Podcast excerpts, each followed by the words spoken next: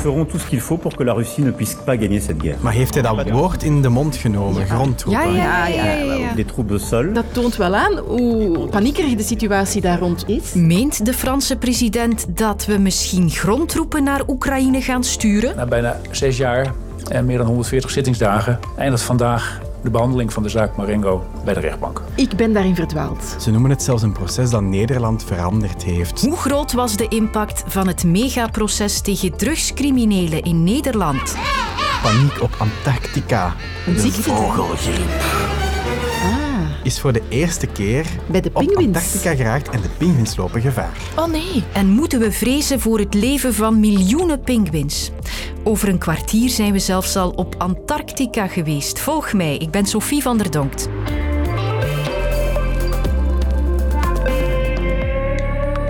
Maar ik start op Europese bodem vandaag. Met voor het eerst een president die uitspreekt dat er wel eens militairen zouden kunnen gaan meevechten in Oekraïne.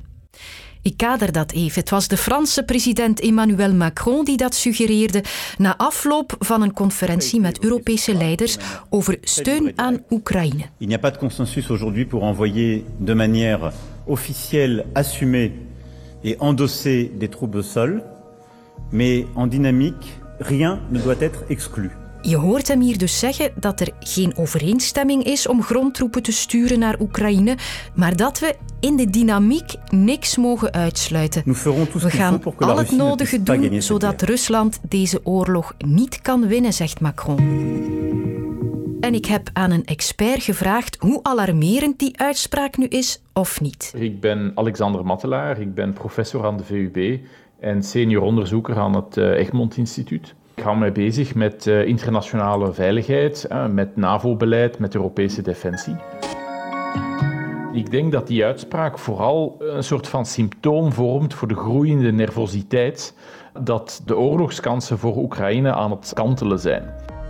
Nu, eh, ik denk niet dat we moeten panikeren. Er gaan geen grootschalige ontplooiingen van westerse strijdkrachten naar Oekraïne plaatsvinden. Er is binnen de NAVO aan het begin van het escaleren van het conflict heel duidelijk afgesproken dat steun aan Oekraïne verlenen, dat kan. En individuele landen kunnen zelf kiezen hoe ver zij daarin gaan.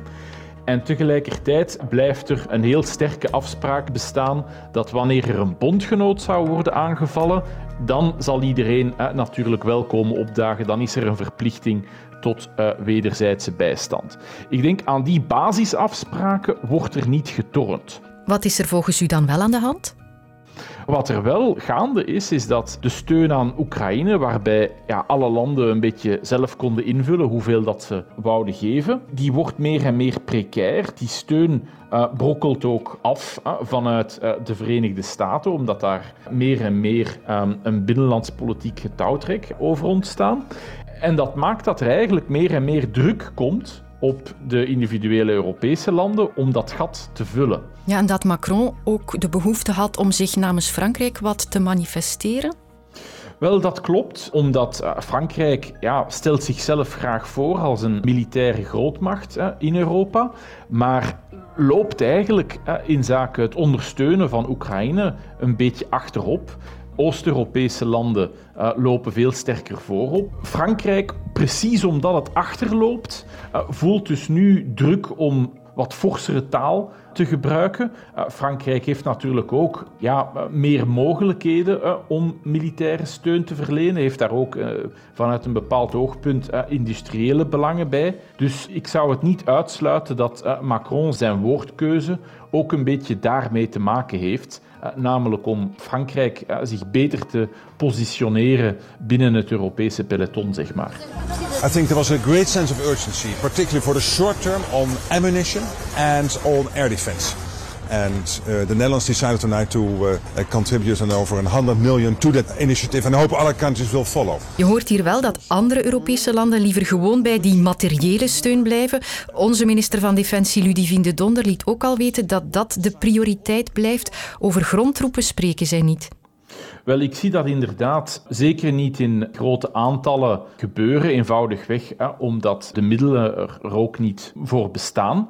De uh, Europese uh, bondgenoten uh, die moeten natuurlijk ook zaken op reserve houden voor het geval wanneer of als er zich een artikel 5-situatie, een aanval op een bondgenoot, zou voordoen. Dat was denk ik ook een van de belangrijkste boodschappen van de besprekingen gisterenavond, namelijk dat het scenario waarbij Rusland een ander land, een Europese bondgenoot, zou gaan aanvallen in de komende jaren, dat dat meer en meer een reëel scenario wordt. Dus ik hoor u wel zeggen, op dit moment niet bepaald realistisch dat Europese landen grondtroepen zouden sturen. Dat zou wel veranderen als een NAVO-bondgenoot aangevallen wordt. Iets wat we niet kunnen uitsluiten. Dat klopt. En dat is iets waar men zich ja, op beleidsniveau al maar meer zorgen over begint te maken. Eh, en wat uh, president Macron ook met zoveel woorden toegaf.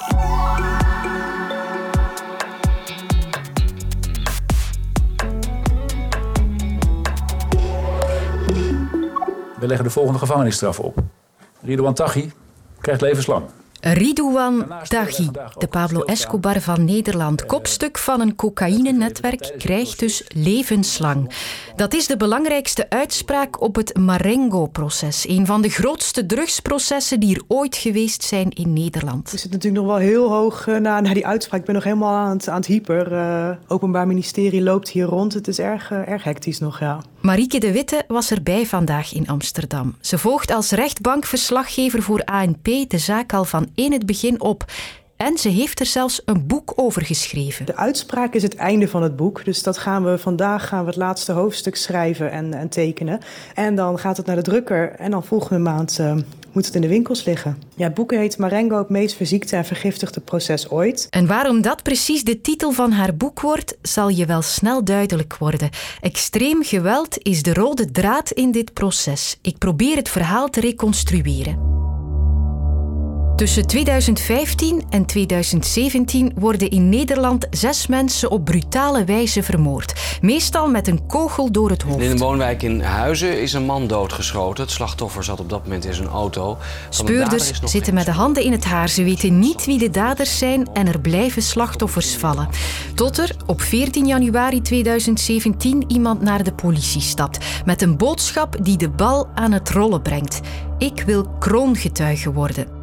Die iemand is Nabil B., zelf al jarenlang crimineel. Nabil B. die hoorde zelf bij de groep van Taghi en uh, hielp ook bij het uitvoeren van liquidaties, uh, bijvoorbeeld door mensen in de gaten te houden. Hij vertelt wie bij welke moorden betrokken was in ruil voor strafvermindering.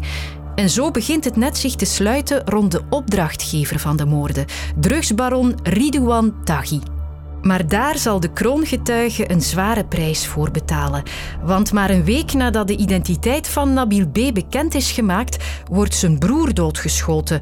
Een onschuldige burger die niks met het drugsmilieu te maken heeft. De rechtbank heeft de beelden niet laten zien omdat ze te schokkend waren. Maar wel beschreven wat daarop gebeurde. En dan, ja, dan hoor je verhaal, hij gaat met een handschoen naar binnen, hij loopt op het slachtoffer af en hij schiet hem uh, hartstikke dood.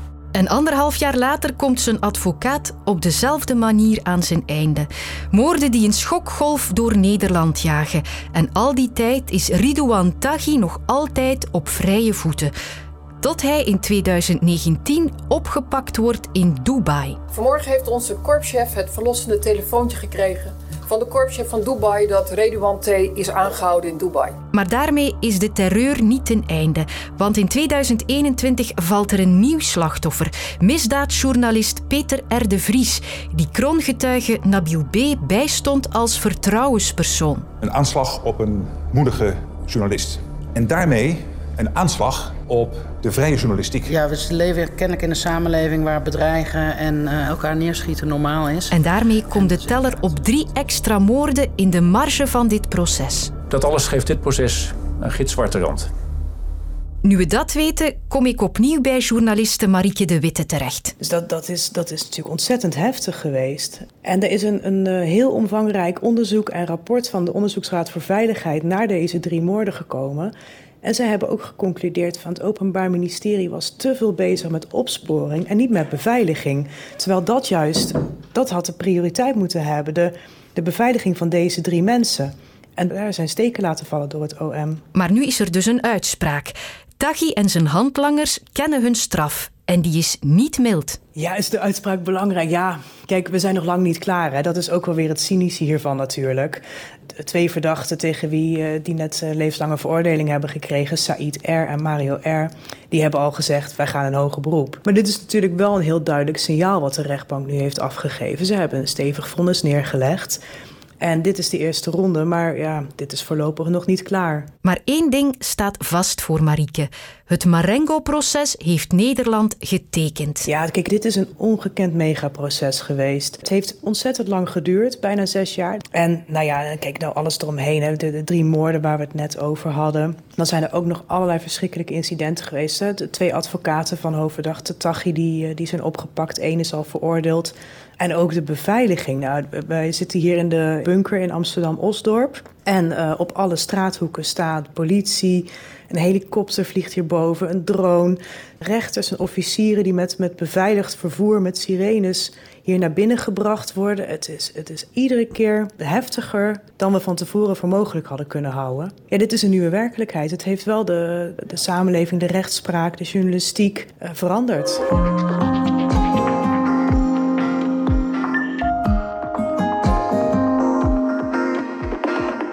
En van de harde onderwereld in Nederland neem ik je nu mee naar het laatste paradijs op aarde. Antarctica, het zevende continent. Een plek die van niemand is. Walvissen, pinguïns en indrukwekkende ijsbergen. Militaire activiteit is daar verboden en de natuur is er heer en meester. Ik heb er nog nooit voet aan land gezet, maar ik vond iemand die er thuis is. Het is een, een, een koud en, en, vrij desolaat gebied. Uh, dus je gaat er ofwel naartoe met onderzoeksschepen of anders ga je met eigenlijk een vliegtuig vliegen naar kleine luchthavens die daar zijn. Land je eigenlijk op het ijs. En er zijn een aantal stations waar dus uh, onderzoekers allerlei onderzoek doen. Klimaat, meteorologie, maar ook biologie. En een van die onderzoekers is deze Anton van de Putten. Hij is expert Antarctische biodiversiteit bij het Instituut voor Natuurwetenschappen. Ja. Maar zijn wetenschappelijke paradijs wordt plots bedreigd. Want de dodelijke variant van de vogelgriep is voor het eerst vastgesteld op het vasteland van Antarctica we hebben dikwijls dat beeld van een ongerept gebied, maar wat er gebeurt in de wereld blijft er eigenlijk nooit weg. En nu in het geval van dit uh, vogelgriepvirus was het eigenlijk eerder een vraag van wanneer het ging toekomen dan, dan wel of het wel ging toekomen. In november, december hadden we een aantal verdachte casussen en dus nu in februari hebben we de eerste casus die ook bevestigd is van dit virus in Antarctica zelf. Je hebt dus vogels die in Zuid-Amerika voorkomen, die ook in Antarctica voorkomen. Dus die vogels gaan met elkaar in contact komen en kunnen zo dat virus overdragen. De casus die we nu zien is dus geen pinguïn, maar het is een, wat we in het Nederlands noemen een zuidelijke jager. Die leeft eigenlijk samen met de pinguïns, want die gaat voor een groot stuk jagen op pinguïnjongen in die kolonies. De vogels in West-Europa hebben het al stevig te verduren gekregen door de vogelgriep. Ook aan de Noordzeekust sloeg het virus al hard toe. Het feit dat hij al geen reactie vertoont, is ook zeer mager. Het zijn toch wel duidelijke symptomen van vogelgriep. Het gaat razendsnel. Op een dag zijn ze, zijn ze dood. Dus ook de dieren die hier binnenkomen verlossen wij uit hun lijden, want er is geen, geen mogelijkheid tot, tot genezen. Wil dat dan zeggen dat de miljoenen pinguïns op Antarctica hetzelfde lot te wachten staat? Met dit virus is het eigenlijk een beetje moeilijk in te schatten bij welke soorten het wel dodelijk is en bij welke niet. Wat we wel zien is dat bij ezelspinguïns op subantarctische eilanden, dat we het daar wel al hebben gezien. Dus we hebben gezien dat het wel al bij pinguïns voorkomt. Dus het risico bestaat nu wel dat het bij keizerspinguïns of Adelie-pinguïns ook gaat uh, overspringen. Daar zijn momenteel nog geen bevestigingen van, maar die schrik zit er op zich wel in. Bijvoorbeeld de keizerpinguïns zijn al heel wat berichten geweest dat het ijs waarop zij broeden verdwijnt. Dus daarmee hebben ze het al moeilijk. En als er nu zo'n type virus bij komt, wil dat wel zeggen dat ja, die populaties en, en, en die soort wel in gevaar kan komen. We hebben ook al, als we weer al kijken naar die subantarctische eilanden, hebben we gezien dat het bij zeeolifanten voorkomt en pelsschrobben. Dus de kans bestaat ook dat het naar die type soorten in het uh, Antarctische gebied gaat overschakelen en dat je daar ook weer al die verhoogde mortaliteit uh, gaat krijgen. Ik kan horen dat Anton zich zorgen maakt. Uh, ja. Ja, het is, het is, het is eens het, het rondgaat en eens het aanslaat bij bepaalde soorten, kan het inderdaad zijn dat één voor één die dominostenen van die kolonies gaan vallen. En dat kan ja, een, een, groot effect hebben op het ecosysteem. Wereldwijd is het al aan het rondgaan van 2021 en dat we eigenlijk ook niet onder, onder controle. En ja, dat is een beetje moeilijk om daar vaccins en zo voor te gaan ontwikkelen. Uh, zeker voor wilde soorten is dat onmogelijk eigenlijk. En dan is Happy Feet ineens ver weg. Morgen maakt Lode een nieuw kwartier. Wil je meer te weten komen over China? Zo vaak in het nieuws, maar ook zo vaak een mysterie. Luister dan naar de maandelijkse podcast China voorbij de muur. Nu in de app van VRT Nieuws.